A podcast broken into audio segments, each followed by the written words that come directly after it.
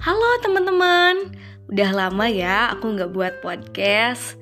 Duh, udah tahun 2020 lagi aja.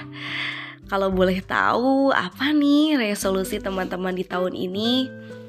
Kalau aku pribadi sih sebenarnya banyak, tapi yang paling banget ditekankan uh, semoga aku selalu bahagia dan mental aku yang dulu amuradul banget makin lebih sehat mentalnya gitu ya amin uh, teman-teman pas tahun 2021 apa aja sih yang buat teman-teman ngerasa aduh tahun ini berharga banget buat aku gitu ya Jujur, kalau aku pribadi sih bisa lulus S1 tepat waktu.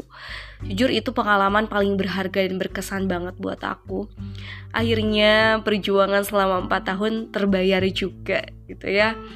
Duh, pengen nangis banget deh rasanya. Oh iya teman-teman, di tahun ini aku juga berharap kita bisa makin dewasa dalam menyikapi kehidupan ini makin kerja keras buat dapetin apa yang kita inginkan, makin kencang dan husu juga ibadahnya, makin-makin deh pokoknya ya. Amin.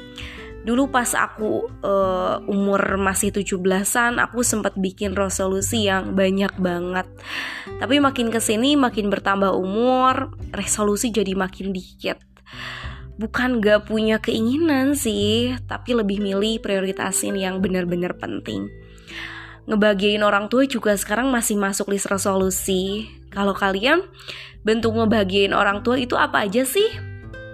Kalau aku sendiri, yang penting bisa ngasih apa yang mereka inginkan. Jadi anak berbakti misalnya.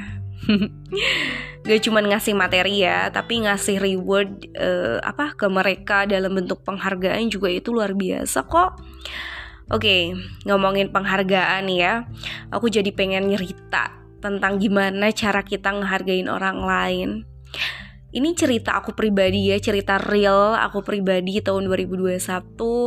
Jadi aku sendiri pernah bentrok sama temen aku gara-gara dia ngerasa aku nggak ngehargain dia aku sempat mikir bentuk penghargaan kayak gimana sih yang teman-teman aku inginkan gitu, yang teman aku inginkan, mohon maaf. Aku sempat bingung juga gitu ya sama jalan pikirannya. Tapi pas aku renungin, oh mungkin aku sempat ngebohongin dia. Ngebohongnya mungkin aku berasa kecil banget, tapi menurut dia itu kesalahan yang kurang bisa buat dimaafin.